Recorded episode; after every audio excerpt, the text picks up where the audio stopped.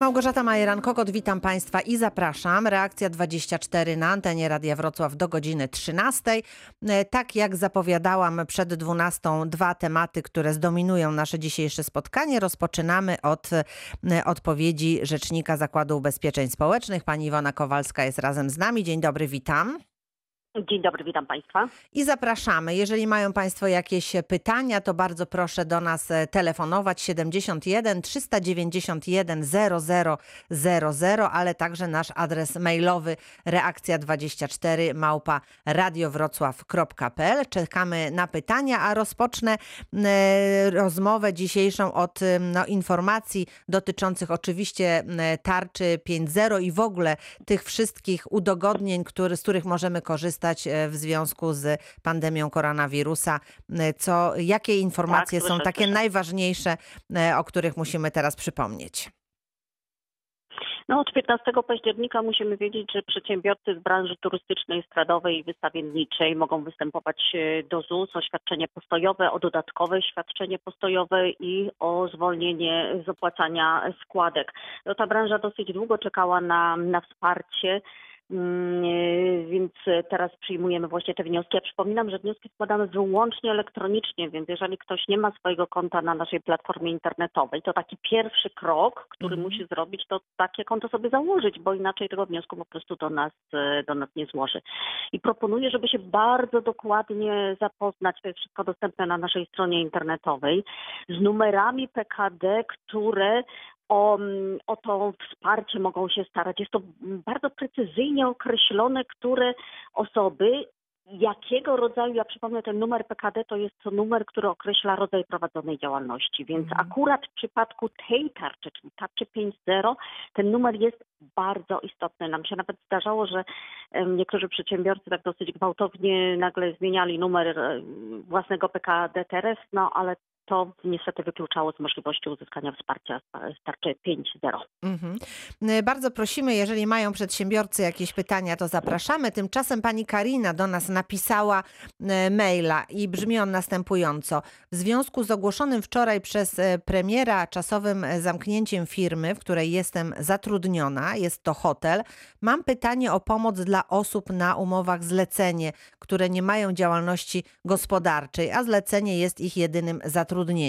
Mój zleceniobiorca jest zmuszony zamknąć e, hotel od soboty do przynajmniej 29 listopada i w tym czasie nie będę mogła realizować zawartej umowy. Wiosną można było składać do ZUS wnioski o świadczenia postojowe. Czy taka forma pomocy jest przewidziana obecnie? Jeżeli tak, to jak starać się o takie świadczenie? E, Pyta pani Karina. No ja muszę powiedzieć, że dzisiaj my jeszcze tego dokładnie nie wiemy, ponieważ to, co politycy mówią na konferencjach prasowych, to jest jedno, a my musimy dostać konkretny przepis. Także branża, cała branża gastronomiczna także czeka na wsparcie, bo tutaj jeszcze nie ma przepisów, które będą mówiły, czy rzeczywiście przedsiębiorcy mogą się, ci, którzy byli zmuszeni zamknąć restauracje y, praktycznie z dnia na dzień y, starać o zwolnienie ze składek, a ich pracownicy postojowe. Ja zakładam, że w ciągu najbliższych dni to się powinno wyjaśnić. Powiem, że te nowe przepisy są procedowane już, ale muszą fizycznie do nas, e, do nas trafić. Natomiast w momencie, kiedy trafią, to też nie jest tak, że jest jakiś ograniczony czas, e, w którym można te wnioski składać, albowiem te jeszcze pierwsze postojowe, z których można było korzystać na początku pandemii, wnioski o te pierwsze postojowe ciągle jeszcze, proszę Państwa, można składać. Ja przypominam, jeżeli ktoś jest w takiej sytuacji, że spełnia warunki, bo jedny, jedną z zasad jest to, że takie wnioski składamy do 30 dni po ustaniu czasu y, epidemii, który jest ogłoszony, a to jeszcze cały czas funkcjonuje, więc także jeszcze te osoby, które wcześniej wniosków nie złożyły, a mówią, ojej, zgapiłem się, nie złożyłem. y, To jeszcze nic straconego, Jeżeli no właśnie. jeszcze Mhm. mogą, tak. Natomiast ta cała branża hotelowo-gastronomiczna, no jeszcze chwilkę czeka. E, Proszę Państwa, my musimy mieć, mieć określone przepisy, które do nas wpłyną w, pewnie w jakiejś kolejnej tarczy, która się będzie nazywała, y, przypuszczam, 6.0 i wtedy, mm, zarówno przedsiębiorcy, jak i pracownicy będą wnioskować. Zasady, przypuszczam, będą takie same, czyli my wszystko będziemy robić przez internet. My, mam, mam tutaj na myśli przedsiębiorców i, i, i pracowników, Mhm. czyli w, mm, jak już ktoś chce się zapoznać z tym, jak to wyglądało, wszystko też jest na naszej stronie internetowej, są instrukcje, są filmy instruktażowe, warto sobie na to popatrzeć, żeby się przygotować i czekać na ten moment zero, w którym przepis Będzie można już, tak, będzie można składać te Ja wnioski. Mhm. Przypominam sobie, że, że te wypłaty postojowego w przypadku osób właśnie na, na umowach cywilnoprawnych były bardzo szybkie, bo to praktycznie szło z automatu, czyli dobrze złożony wniosek skutkował tym, że następowała wypłata na y, konto bankowe i od razu apeluję do Państwa, którzy będziecie znowu składać wnioski. Proszę pilnujcie przed wysłaniem wniosku dobrego wpisania numeru konta. To był jednym z najczęstszych błędu, błędów, który się pojawiał we wnioskach, y, bo innego błędu system nie przepuścił, ale my przecież nie znamy Państwa numerów kont. Państwo potrafiliście no, zrobić tak zwany czeski błąd, czyli przestawić numery w koncie. My wysyłaliśmy pieniądze, pieniądze się odbijały, wracały do nas. Więc proszę sprawdzajcie, zanim wyślecie numer własnego konta, czy jest. E, Takie pytanie, które pojawia się e, w ostatnim czasie, dotyczy też pracy zdalnej w czasie obowiązkowej kwarantanny. Czy osoba, która czuje się na tyle, na tyle dobrze, że może pracować, e, a w wyniku decyzji sanepidu musi odbyć kwarantannę, może pracować zdalnie, czy też nie? Jakie tutaj są procedury? No i zostało to w, w zasadzie praktycznie dosyć jasno już wyjaśnione, więc Mhm. proszę Państwa jest tak, jeżeli ktoś jest chory, czyli nie może tej pracy świadczyć i idzie na zwolnienie lekarskie, czyli bierze zasiłek z tytułu bycia na zwolnieniu, czyli zasiłek chorobowy, wtedy nie może pracować. Jeżeli ktoś jest, e, musi przebywać e, pod kwarantanną, czyli jest w domu, dobrze się czuje, chce pracować zdalnie, ma możliwości, no bo oczywiście trudno wymagać, żeby operator koparki pracował zdalnie, prawda? Mhm. E, I jeżeli pracodawca się na to zgodzi, mówi: OK, zgadzam się, proszę, pan pracuje zdalnie, wtedy może zdalnie pracować, ale uwaga, wtedy płaci mu pracodawca normalną pensję, ale warunek jest taki: ta osoba nie występuje o zasiłek chorobowy, bo z racji przebywania na kwarantannie można wystąpić e, o ten zasiłek z tego powodu, że jest izolowanym. On jest taki sam jak zasiłek chorobowy. Zasada jest taka: bierzemy tylko z jedynego źródła pieniądze. Jak wystąpimy o zasiłek, nie możemy pracować, bo wtedy pracodawca nie może nam zapłacić. Jeżeli pracujemy, to nie możemy wystąpić o zasiłek. Więc Mhm. tutaj decyzja Trzeba się należy zarówno do tej tak. osoby Mhm. właśnie, która jest pod kwarantanną, jak i do pracodawcy, który oczywiście musi wyrazić zgodę na to, że, mm, że pracownik może kontynuować pracę na kwarantannie.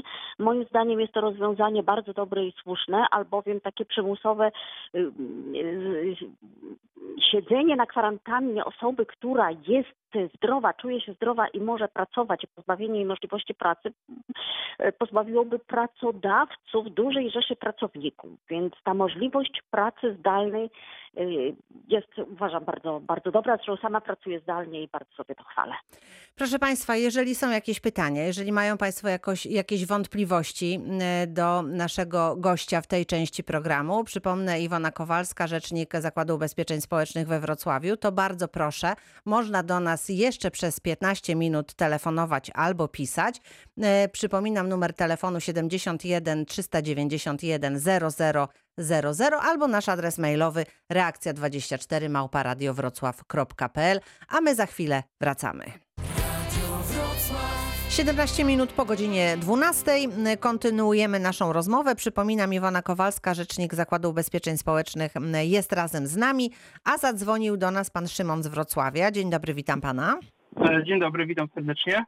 Bardzo Mam proszę. takie py- pytanko do pani rzecznik e, odnośnie zasiłku dla rodziców. Czy to jest tak, jak było wcześniej, że jeżeli dziecko ma 8 lat, to rodzic, przysłu- rodzicowi przysługuje ten zasiłek taki, jak był wcześniej 80%? E, I to jest liczone e, jakby na przykład, nie wiem, rocznikowo, czy to jest liczone do dnia urodzin? Na przykład jak dziecko było e, w październiku skończyło e, te 8 lat, to już ja jako rodzic się nie kwalifikuję, czy, czy jak to wygląda? Mhm. Bardzo proszę. Ja, ja zacznę od tego, jak się liczy wiek dziecka. W momencie, kiedy dziecko skończy 8 lat, tak jak, on, tak jak pan powiedział, skończyło w październiku, to odpowiedź brzmi, nie, nie kwalifikuje się pan. No tak, takie są zasady. Ja przypominam, że to nie my tworzymy zasady, my je wykonujemy. Jest w ustawie do 8 lat, koniec, kropka. Obecnie, wczoraj na, na konferencji prasowej pani minister Maląg zapowiedziała, że będzie przywrócony zasiłek dodatkowy opiekuńczy. Na dzisiaj jeszcze nie mamy stosownego przepisu. Mówi się, że od poniedziałku, ale to na razie mówi się. My musimy mieć określony przepis, żeby zacząć go realizować. Póki co każdy rodzic, który chce zostać z dzieckiem do 8 lat w domu, ma taką możliwość i może skorzystać z tego limitu 8, 60 dni, który, który rodzic ma do wykorzystania na dzieci w ciągu roku. Jeżeli wejdzie dodatkowy zasiłek opiekuńczy, wtedy te dni nie będą się liczyły do tego limitu, czyli będą traktowane jako te dni dodatkowe, więc apelowałabym tutaj jeszcze o chwilkę cierpliwości. Dzisiaj jest czwartek.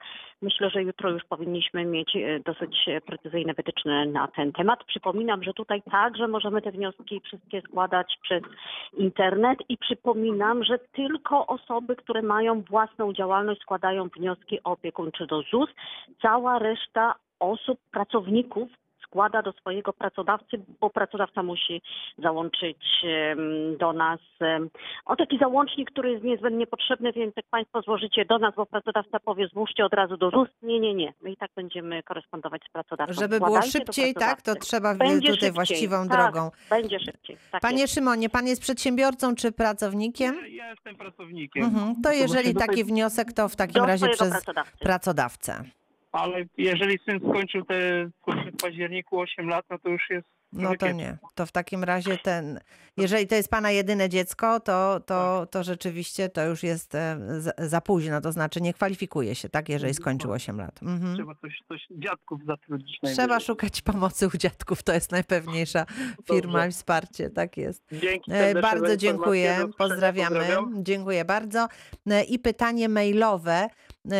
Nasza słuchaczka pyta, co z branżą beauty? Podaje tutaj ten numer PKD. Czy możemy liczyć na pomoc rządu, tak jak to miało miejsce na wiosnę? E, Odnotowujemy straty powyżej 50% dochodów. Co z ZUS-em? Czy będziemy z niego zwolnieni? Pyta słuchaczka. No i tutaj muszę to samo powiedzieć, co w przypadku branży gastronomicznej. To znaczy branża gastronomiczna no już jest w tej jeszcze trudniejszej sytuacji, ponieważ restauracje, bary, kawiarnie są już zamknięte, a my jeszcze ciągle nam czekamy na te przepisy, które w, są w tym momencie procedowane.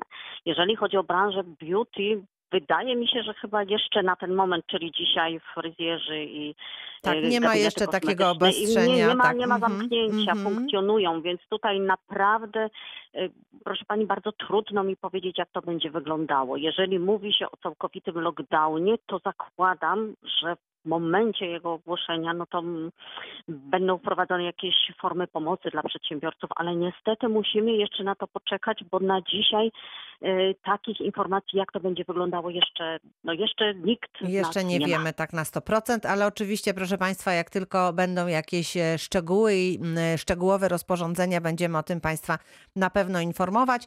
Teraz słuchamy, pan Edward z Wałbrzycha telefonuje. Dzień dobry panu. Dzień dobry. Ja mam takie pytanie do tej pani. Mhm. W lipcu przeszedłem y, z renty na emeryturę, a dzisiaj dostałem z ZUS-u pismo, że mam oddać 420 zł, które oni mi naliczyli niesłusznie. Ale o co to chodzi? Panie Edwardzie, wczoraj była razem z nami pani Irena Szopka, która jest naczelnikiem Wydziału e, właśnie rent i emerytur. Natomiast pani Iwona, e, tutaj rozmawiamy troszeczkę w innej tematyce, ale jeżeli e, będzie pan słuchał naszych programów, to oczywiście do rent i emerytur na pewno też wrócimy. Tymczasem myślę, że warto zapytać w Zakładzie Ubezpieczeń Społecznych w Wałbrzychu.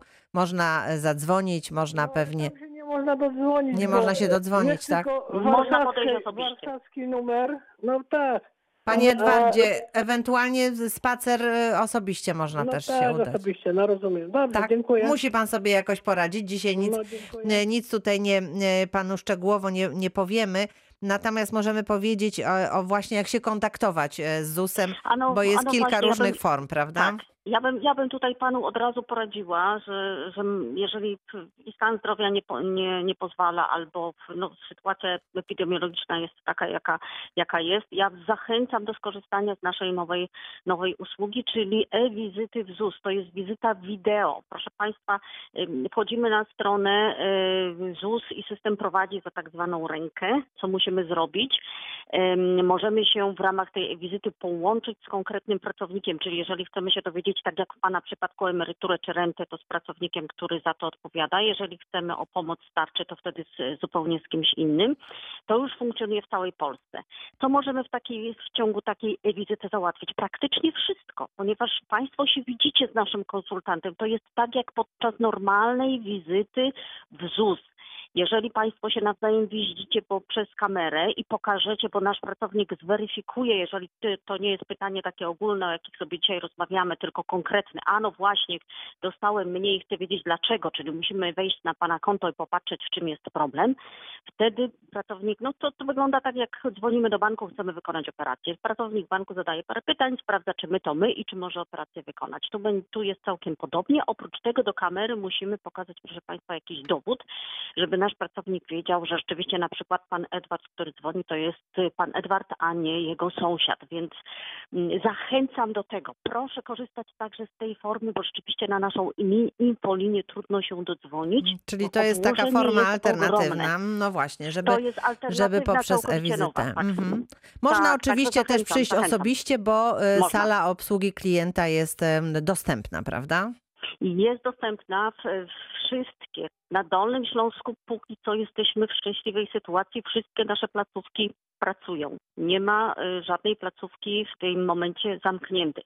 Można do nas przyjść osobiście, ale oczywiście uprzedzam, że troszkę w kolejce trzeba będzie postać na zewnątrz, ponieważ wchodzą osoby pojedynczo ze względu na sytuację epidemiologiczną. Więc jak najbardziej ten osobisty kontakt też jest możliwy.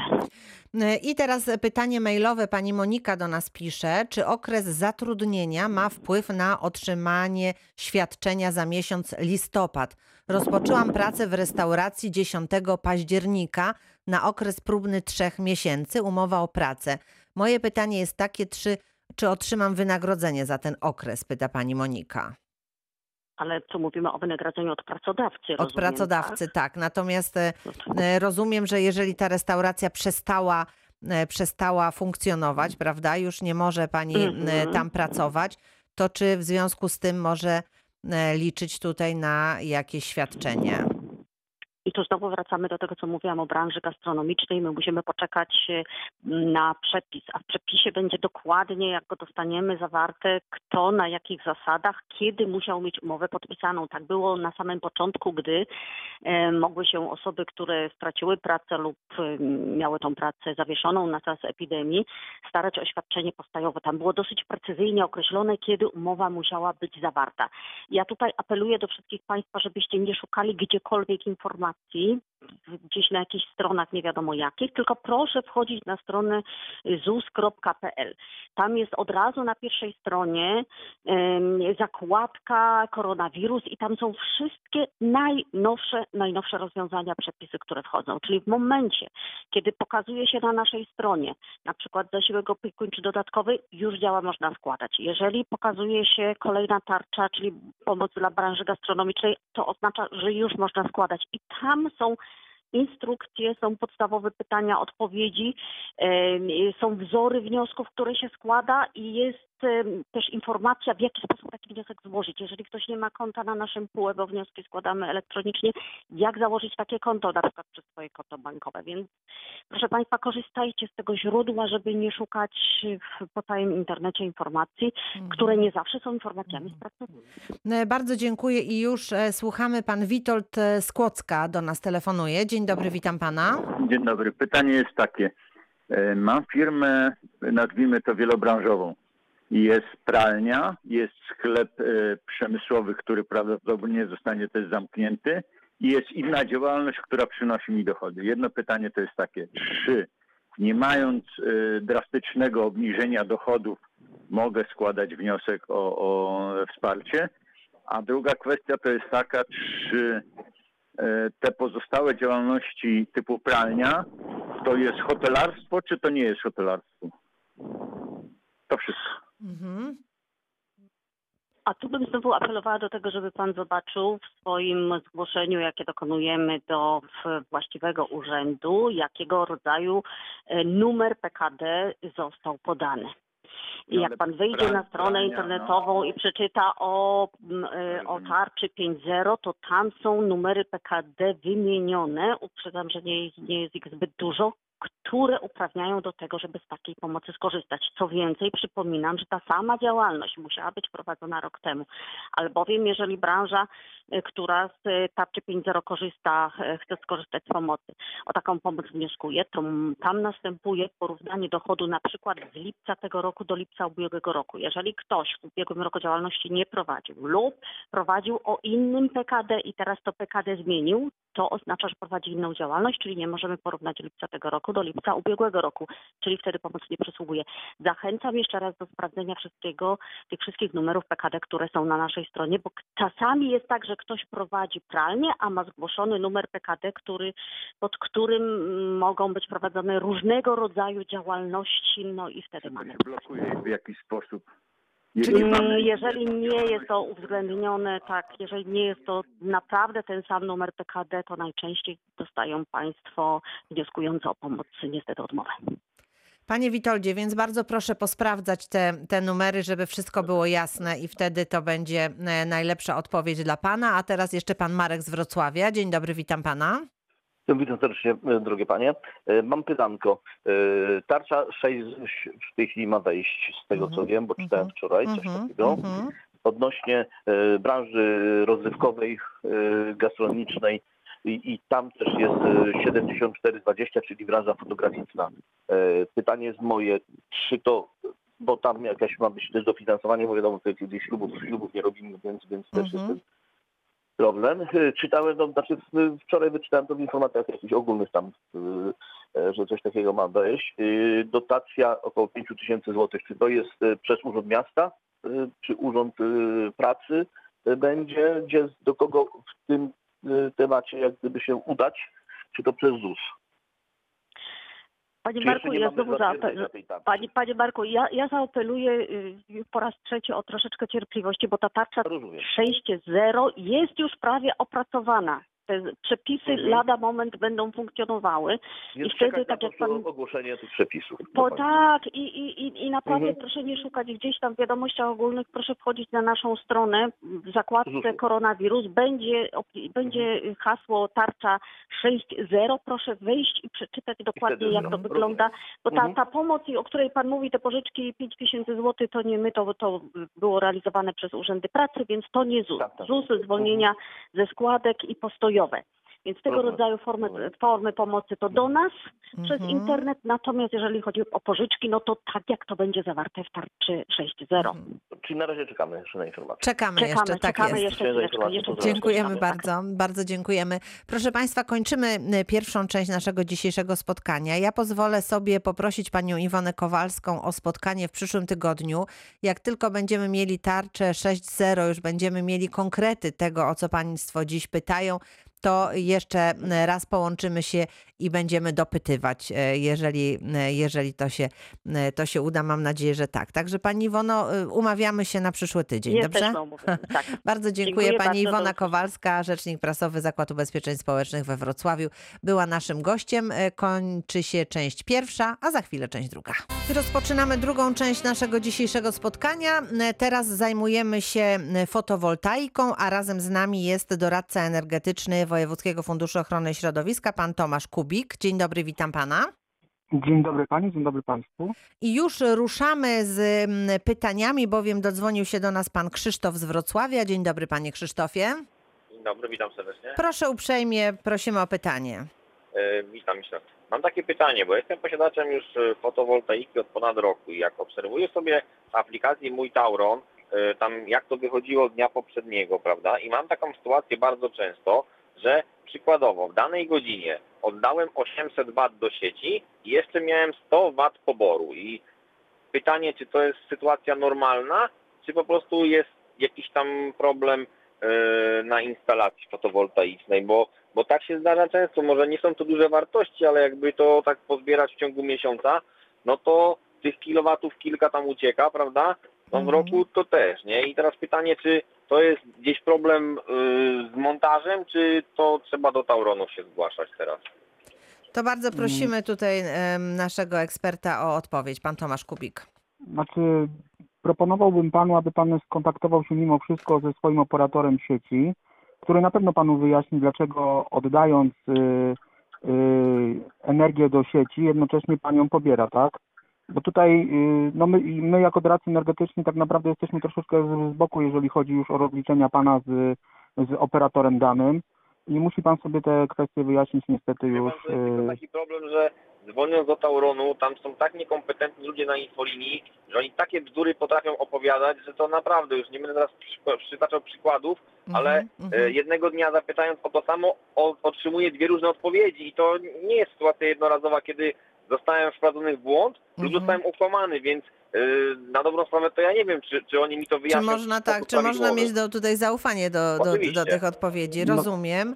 no tutaj czy- my czy- jako doradcy A pan nie ma jakiegoś doświadczenia, panie Krzysztofie, z tym związanego, jak to, jak to funkcjonuje tutaj, i jak powinniśmy, na co powinniśmy zwrócić uwagę? Znaczy, no tak jak mówię, my jako doradcy tutaj możemy Państwu pomóc w doborze instalacji, a jeżeli chodzi już o samo podłączenie instalacji do Funkcjonowanie. sieci mhm. I funkcjonowanie jej, to są dwa wyjścia dla Pana. Albo się skontaktować z operatorem, jeżeli Pan ma problem z uzyskaniem wiarygodnej dla Pana i uważa Pan, że te odpowiedzi są mylące, to proponowałbym też z drugiej strony może zaatakować od swojego dostawcy urządzenia. Firma, Może która montowała, doradzi. tak? Tak, Mhm. tak. Mhm. Firma montująca. E, Panie, Krzysz...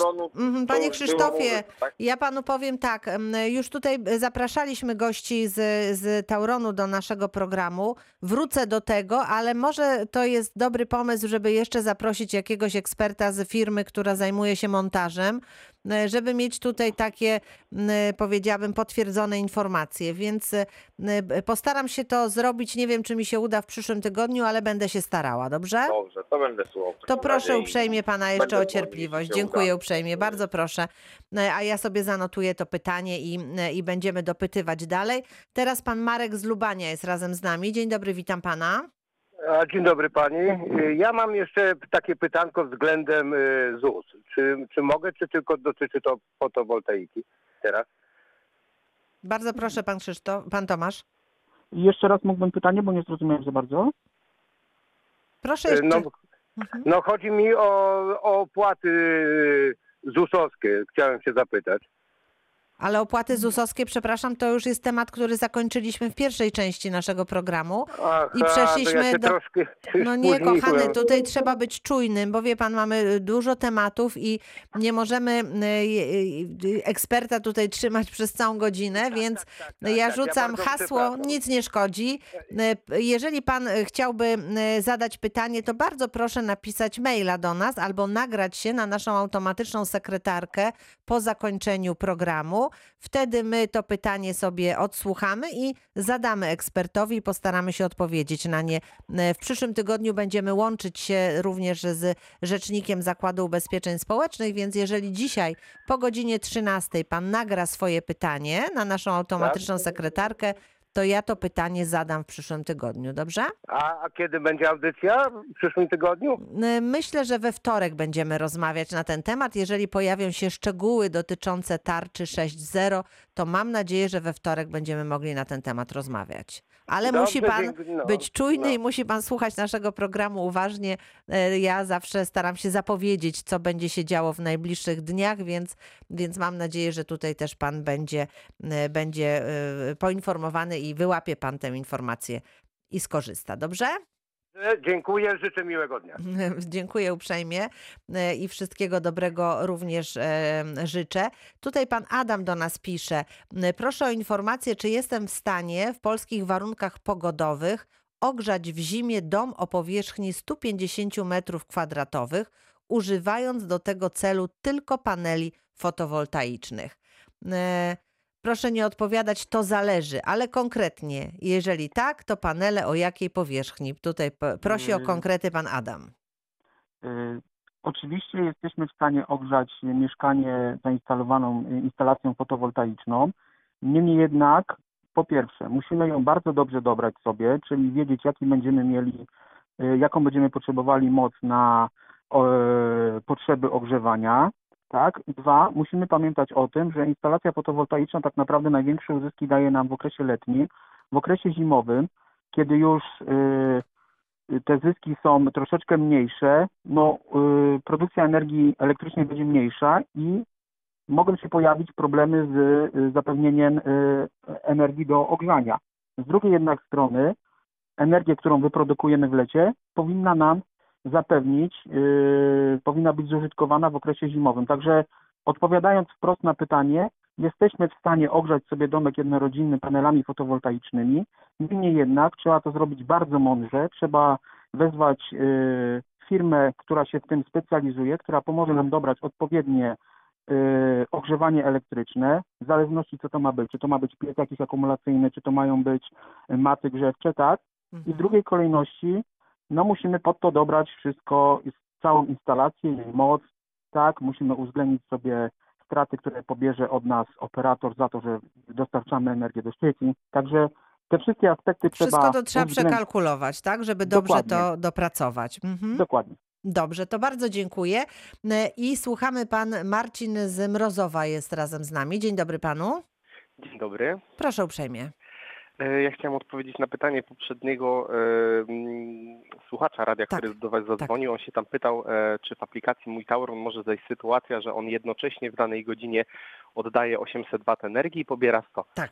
Tak, Tak. jest to możliwe, bo należy zwrócić uwagę, że falownik z instalacji fotowoltaicznej może e, produkować, produkuje najprawdopodobniej sieć na, na trzy fazy, a on, a na przykład użytkownik korzysta z jednej fazy, czyli na przykład załącza czajnik elektryczny, podgrzewa sobie tam herbatę, czy no nie wiem, jakieś tam e, inne urządzenie grzewcze, załącza parelkę w łazience, która Mhm. ciągnie z jednej fazy. I pomimo, iż na dwóch fazach produkuje energię, to Mhm. na jednej zużywa i w takiej sytuacji ma równocześnie wygenerowaną energię i, I pobraną, równocześnie tak? pobór, więc Mhm. to jest normalne. Y, mogę jeszcze też skomentować, bo sam mam fotowoltaikę. Tak, proszę E, bardzo. to pytanie, czy można ogrzać 150-metrowy dom y, za pomocą paneli fotowoltaicznych? Tak, jest to możliwe. E, Pan, ja tak pan to praktykuje, ja tak? tak? tak. Aha. E, Ja mam dużo większy dom, tylko że należy zwrócić uwagę na to, pan dobrze powiedział, że należy dobrać instalację fotowoltaiczną do rodzaju ogrzewania i na pewno dom musi być dobrze ocieplony. To, to Mhm. jest podstawa. Jeśli to jest jakiś dom, który już em, został na bardzo dawno temu i tam ocieplenie jest kiepskie, to raczej to się nie sprawdza. Mhm. A co A to my pa- znaczy dobrać fotowoltaikę? Jeszcze proszę mi wy- wyjaśnić. Czy il, Ja chodzi o ilość, ilość paneli, tak? tak, Mhm, tak, mhm, tak, tak. W Które moim tutaj to W trzeba dobrać. przypadku na przykład to jest praktycznie tam maksymalna moc, kiedy, bo też o co się rozchodzi, faktycznie latem generujemy najwięcej mm, prądu, przy czym możemy go odebrać zimą, tylko odbieramy 80% tego, co wygenerujemy, pod warunkiem, że instalacja ma poniżej 10 kW mocy. Więc e, powiedzmy te 10 kW do 10 kW mamy ten fajny przelicznik, bo dostajemy 80%, bo jeśli mamy powyżej 10 kW do 20 kW, to dostajemy 70% mocy. Mhm. 70% zwrotu mocy. Więc e, czy, jeśli chodzi właśnie o, o odebranie tej mocy, to na pewno trzeba sobie przeliczyć, e, bo każdy metr kwadratowy powierzchni domu to jest, można wyliczyć, że to jest ileś tam watów e, tam dziennie na, na ogrzewanie tego domu. E, no ale tak czy prosto to zrobić? No prosto, łatwo, prosto tego obliczyć się nie da. Niemniej Mhm, jednak są mhm. różne kalkulatory na internecie, które wykażą e, jakie ogrzewanie, czy to może być zwykłe elektryczne, czy to, musi, czy to powinna być pompa ciepła i, i jakie, będzie zużycie, jakie będzie zużycie roczne energii w domu. Mhm. Jakie, Da- da co się będzie to- najkorzystniejsze, tak? czy to będzie wszystko. najkorzystniejsze? Mhm. Na pewno da się to zrobić i... I, i, i, pan z to własnego wygląda- doświadczenia może polecić, tak? Że udało się to panu i jest pan z tego e, zadowolony, przy, tak? Przy czym te, Mhm. też trzeba powiedzieć sobie wtedy szczerze, że ja mam na przykład ogrzewanie elektryczne oporowe, Mhm. Więc taki jakby najtańszy wariant, jeśli chodzi o piec e, elektryczny. Przy czym trzeba powiedzieć, że, że jednak ta temperatura w domu to też nie jest 25 stopni, nie? Mhm. To jest coś koło 20 stopni. Czyli taki, takie dla bardziej osób troszeczkę y, chłodnolubnych, tak? No, Bo zgadzam się. ciepłolubni mogą się troszeczkę nie dogrzać w takiej sytuacji. Oczywiście można do, dorzucić więcej No, tych paneli, no mhm. i wtedy będzie większa Będzie temperatura w większa, domu, no nie? jasne. To To wszystko jest kosztów. tak. Mm. Rozumiem. Bardzo panu dziękuję, panie Marcinie, za tutaj dodatkowe wyjaśnienia i też taki własny przykład, bo to zawsze nas e, najbardziej interesuje, jak ktoś nam powie, jak to u niego funkcjonuje i czy jest zadowolony. E, Więc bardzo dziękuję. I teraz słuchamy, pan Witold Skłocka jest razem z nami. Dzień dobry panu. Dzień dobry, jeszcze raz ja e, w sprawie fotowoltaiki. Mhm. Zapra- Zapraszacie Państwo eksperta e, z firmy Tauron i to się tak sztucznie przekłada, że ten pan reprezentuje monopolistę, monopolistę Mhm. w zakresie e, konsumowania, e, e, odkupywania energii i ma swoje jakby priorytety i jest ekspertem, który w imieniu monopolisty mówi, bo jeśli on stwierdza, że nie wolno wybudować własnej instalacji fotowoltaicznej, co to znaczy się nie wolno? Czy ja nie mogę na dachu powiesić czterech paneli, założyć przetwornicy i zasilać sobie tylko swój garaż, nie podłączając tego do sieci publicznej? Niedopowiedzenie tego słowa, że nie wolno tych dwóch sieci połączyć bez odpowiedniej umowy i, i, i współpracy z Tauronem, mówi się, że tylko Tauron ma prawo yy, tak wypowiedzieć się.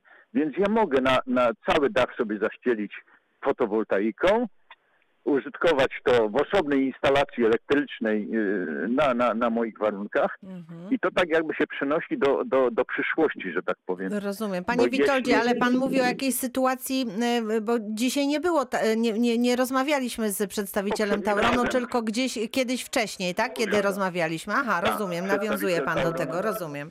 Rozumiem. No dobrze, to takie jest tutaj pana stanowisko i pan to y, tutaj wy, wy, y, we- wypraktykował też, rozumiem, tak? Jeszcze- Jeszcze dołożę, tak, Mhm. że, że można to bez pozwolenia e, Taurona e, zbudować taką instalację, tylko nie wolno, e, to trzeba jasno i czytelnie powiedzieć, nie wolno tego przyłączyć do sieci tej ogólnodostępnej elektrycznej. Mhm. I jeszcze tak jakby idąc w przyszłość, Mhm. i grożą nam samochody elektryczne. Kto powiedział, że mając na dachu zaścieloną całą e, fotowoltaikę, nie mogę sobie ładować samochodu elektrycznego, no tam z pewnymi technicznymi wymogami, ale mogę ładować. Więc też nie muszę mieć pozwolenia Taurona ani nikogo innego do tego, żeby taką instalację sobie zrobić. Mhm. Ale zmierzam, zmierzam do naszego eksperta z ochrony środowiska. tak. Obok mnie, jestem z rejonu górskiego, powiedzmy góry to duże słowo, ale z rejonu górskiego Kotliny Kłodzkiej, Mhm. gdzie pełno jest strumyczków. Na e, forach technicznych oglądałem e, filmik, który pokazywał biernik od pralki ze skrzydełkami, który się obraca poruszany strumieniem. I teraz tylko kwestia jest taka, że wody polskie znowuż jako monopolista trzyma, że nie wolno bez ich pozwolenia na strumyczku założyć takiej instalacji, przetwornica w domu i też mogę ładować samochód, dogrzewać sobie e, garaż, oświetlać jakieś pomieszczenia takie przemysłowe bez uzgodnienia z Tauronem i żadnych takich Z wodami polskimi tutaj teraz Tylko też, tak? wody polskie, wody Mhm. polskie jako monopolista, no nie monopolista, ale jako jak to urząd... Właś- y, y, Są właścicielem wód, prawda, w Nie Polsce. ewoluują, nie ewoluują w kierunku takim, żeby popuścić te warunki, że na tych strumieniach małych, gdzie, gdzie nie ma zagrożenia jakąś tam niespotykaną powodzią i katastrofą lokalną. Że można by z tego skorzystać. Takie małe Panie. Witoldzie, to dopuścimy teraz do głosu naszego eksperta, tak? Żeby to skomentował, bo rozumiem, że do pana Tomasza Kubika pan skierował te, te, te słowa tutaj o też wykorzystywaniu tej energii w różny sposób. To panie Tomaszu, proszę bardzo. Jeżeli chodzi o wykorzystywanie energii z, ze źródeł y, z wody, y, jak najbardziej popieram Pana, y, że szczególnie w terenach górskich, no moglibyśmy korzystać z dobrodziejstwa, jakie dają nam strumyki wody, potoki górskie, tak. Trzeba, na, trzeba jednak pamiętać o tym, że gdybyśmy, do, gdyby doszło do takiej sytuacji, że każdy z naszych mieszkańców, może nie naszych mieszkańców, tylko mieszkańców obszarów górskich zacząłby montować takie wierniki, no tutaj mogłoby dojść do takiej sytuacji, że przepływ tych wód zostałby w jakiś sposób zaburzony. Pamiętajmy, że Wody Polskie to nie, to nie jest tylko instytucja, która zakazuje, ale ona także dba o to, żeby te potoki górskie no, pełniły jakąś rolę, yy, chronią florę i faunę, tak? Niejednokrotnie w obszarach górskich mamy do czynienia z ekosystem, ekosystemami, które no mimo wszystko yy, oddziaływanie takich y, małych, tak jak Pan powiedział, wierników od pralek mogłoby zakłócić ich funkcjonowanie. Także tutaj no, jesteśmy tak troszeczkę na pograniczu. Trzeba to brać i- też pod uwagę, tak jest, żeby takie dobro wspólne po, powiedziałabym. Dokładnie, no prawda? Mhm. oczywiście warto skorzystać z tej energii, która jest tam, no ale z drugiej strony pamiętajmy też o tym, że to jest y, nasze środowisko, które no, warto zadbać, tak, i Tutaj te wody polskie, ja rozumiem, że one może nie są za bardzo sprzyjające takim osobom jak pan, który chciałby rzeczywiście korzystać z tej energii, no ale z drugiej strony, tak jak wspomniałem wcześniej, no to jest dbanie o środowisko, oni pilnują tego i być może w perspektywie czasu okaże się, że się działania są poprawne. Dokładnie. A może A się może się coś zmieni. zmieni, zobaczymy. Dokładnie. Bardzo dziękuję za odpowiedź i jeszcze proszę Państwa szybciutko e, przechodzimy do pytania pana Ireneusza z Wrocławia. Dzień dobry, witam pana. A dzień dobry, dzień dobry. Chciałem się zapytać naszego gościa, być może będzie w stanie mi odpowiedzieć. Jeśli chodzi o dofinansowanie, czy to właściwa, czy pan Tomasz jest właściwą osobą i o coś mi odpowie, czy raczej od spraw technicznych, bo początku audycji nie słyszałem. Proszę zadać pytanie, spróbuję odpowiedzieć. Yy, W grudniu, w grudniu wygasza się program yy, tegorocznego dofinansowania. Co, jakie są plany na przyszłość yy, Czy tej coś na ten temat wiadomo? Czy Mhm. coś właśnie wiadomo, bo no, chciałbym założyć fotowoltaikę, niestety spóźniłem się, bo dopiero dach został w, tej, w tym miesiącu odebrany. Mhm. Trochę mi zabrakło czasu, no chciałbym z tego skorzystać, no tylko pytanie co dalej. Y, Powiem panu tak, y, tak jak pan wspomniał, do 18 do 18 grudnia tego roku mamy nabór, kończy się nabór drugi. Y, Z przekazów medialnych, z informacji, jakie, jakie uzyskujemy y, z racji bycia doradcami energetycznymi, no są, y, są one pomyślne i dobre dla przyszłych beneficjentów, bo program prawdopodobnie będzie kontynuowany, tak? Ja zawsze, jeżeli udzielam konsultacji swoim beneficjentom, osobom, które do mnie dzwonią, zawsze zastrzegam tylko jedną rzecz. No żyjemy, na dzień dzisiejszy żyjemy w takich czasach niepewnych, że pomimo zapewnień, że programy będą kontynuowane, musimy brać pod uwagę też sytuację, jaka jest y, w kraju, tak? I no być może Czy na wszystko starczy tutaj pieniędzy i czy też Dokładnie, te no, dofinansowania jeżeli- będą mogły mieć miejsce? Ale Dokładnie, to wszystko zależy od y, osób, które decydują o uruchomieniu programów. Niemniej jednak na dzień dzisiejszy mamy takie informacje, że program powinien zostać uruchomiony y, na początku następnego roku, adekwatnie do programu Moja Woda, który też cieszył się dużym powodzeniem i też są zapewnienia, że będzie kontynuowany. Także bądźmy dobrzy, dobrej myśli jak na dzisiaj. Czy generalnie na tą chwilę jeszcze, jeszcze nie ma, ale nie ma są 100%. plany... Tak. Są nie- takie przecieki, że, że to dofinansowanie A będzie w jeszcze, przyszłym roku. Jeszcze się Dokładnie. jedną rzecz zapytam, y, ponieważ jest tak, że jest to do, y, przy korzystaniu z fotowoltaiki odzyskujemy powiedzmy te 80% wygenerowanej energii. Czy Mhm. są gwarancje, że w ciągu 10 lat na przykład ta wartość się nie zmniejszy do 70 bądź do 60%? No w tej chwili jest 80, ale może na przykład y, no, nasz wiodący producent, czyli Tauron, może podjąć decyzję, że będą tylko 70% y, zwracać. Czy są jakieś zapewnienia, że ta wartość się nie zmieni? Czy coś Pan na ten temat wie? To znaczy ja panu odpowiem wprost. To nie Tauron decyduje o tym, ile będzie zabierał. Decyduje o tym ustawodawca. Ustawodawca. Yy, W ustawie, tak? W ustawie na dzień dzisiejszy jest zapisane, że rozliczenie jest yy, do 10 kW jest yy, 80%, powyżej jest 70%, tak? 70. To jest wszystko wpisane w ustawę i tutaj operator nie ma większego wyboru. Jeżeli ustawodawca zdecyduje, że muszą być to inne współczynniki, mniejsze ze względu na, nie wiem, modernizację istniejącej infrastruktury, no to wtedy operator dostosuje się do zapisów ustawy. Zobaczymy, co będzie. Proszę Państwa, bardzo dziękuję. E, Kończymy temat fotowoltaiki, oczywiście, do którego będziemy jeszcze w naszych programach powracać, ale dziś bardzo dziękuję. Pan Tomasz Kubik, doradca energetyczny, był naszym ekspertem. Dziękuję Panu. Dziękuję, Dziękuję i do usłyszenia. Proszę Państwa, jeszcze bardzo ważny temat. E, Pandemia to trudny czas dla seniorów. Jako najbardziej narażeni na zachorowanie według zaleceń lekarzy powinni zostać w domach. Jednak żyć też trzeba i załatwiać bieżące sprawy również. Dlatego we Wrocławiu działa kilka infolinii dla seniorów, które mają pomóc i e, im uporać się z codziennymi e, sprawami. Tym tematem zajęła się Joanna Jaros. Pierwszą taką ważną infolinią jest ta należąca do Wrocławskiego Ośrodka Pomocy Społecznej. Numery telefonów są dostępne w internecie, ale dzwoniąc na jakikolwiek numer MOPS-u zostaniemy przekierowani do właściwej osoby, wyjaśnia Łukasz Kocur, rzecznik placówki. Dzwoniąc pod jej numer, będą seniorzy mogli poprosić o pomoc w czynnościach, które wymagają na przykład wyjścia z domu. Mowa tutaj o zakupach spożywczych czy dostarczaniu artykułów higienicznych lub lekarstw. Za pomocą infolinii seniorzy z Wrocławia łączą się z konsultantem, który zbiera od nich ogólne informacje, czego potrzebują, ale także dane kontaktowe.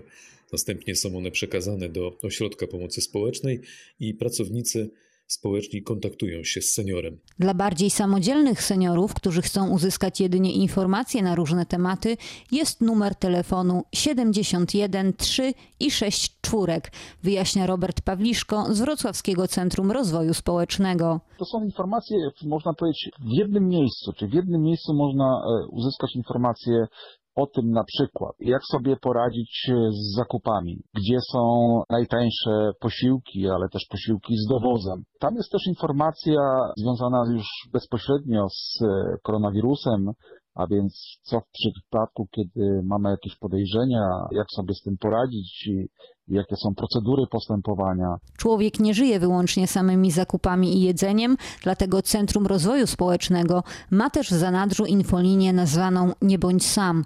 Numer telefonu to 38 39 335. Telefon ma na celu przeciwdziałanie osamotnieniu osób starszych. My, my mamy już doświadczenia z marca i też teraz, że największym problemem tak naprawdę seniorów nie jest to, że nie ma im kto zrobić zakupów albo, albo że mają problem z apteką. Największym problemem jest problem osamotnienia, samotności. To jest bardzo mocno wspierające, a więc ten telefon służy temu, żeby najnormalniej w świecie porozmawiać. Wszystkie infolinie czynne są do godziny 15. To była Joanna Jaros, bardzo dziękuję za informację. Dziś kończymy, natomiast jutro zapraszamy do Polkowic, tam reakcja 24, zaprasza Andrzej Andrzejewski, a jeżeli mieliby Państwo jakieś pytania, to proszę na naszej stronie internetowej w odpowiednim formularzu je napisać. Ja natomiast zapraszam w poniedziałek. Rzecznik konsumentów będzie moim i Państwa gościem, a we wtorek Narodowy Fundusz Zdrowia, Zakładu Ubezpieczeń Społecznych. To plany na przyszły tydzień. Mam nadzieję, że uda się je zrealizować. Proszę telefonować, nagrywać swoje pytania, pisać maile, a my będziemy starali się pomagać. Małgorzata Majeran-Kokot, bardzo dziękuję i do usłyszenia.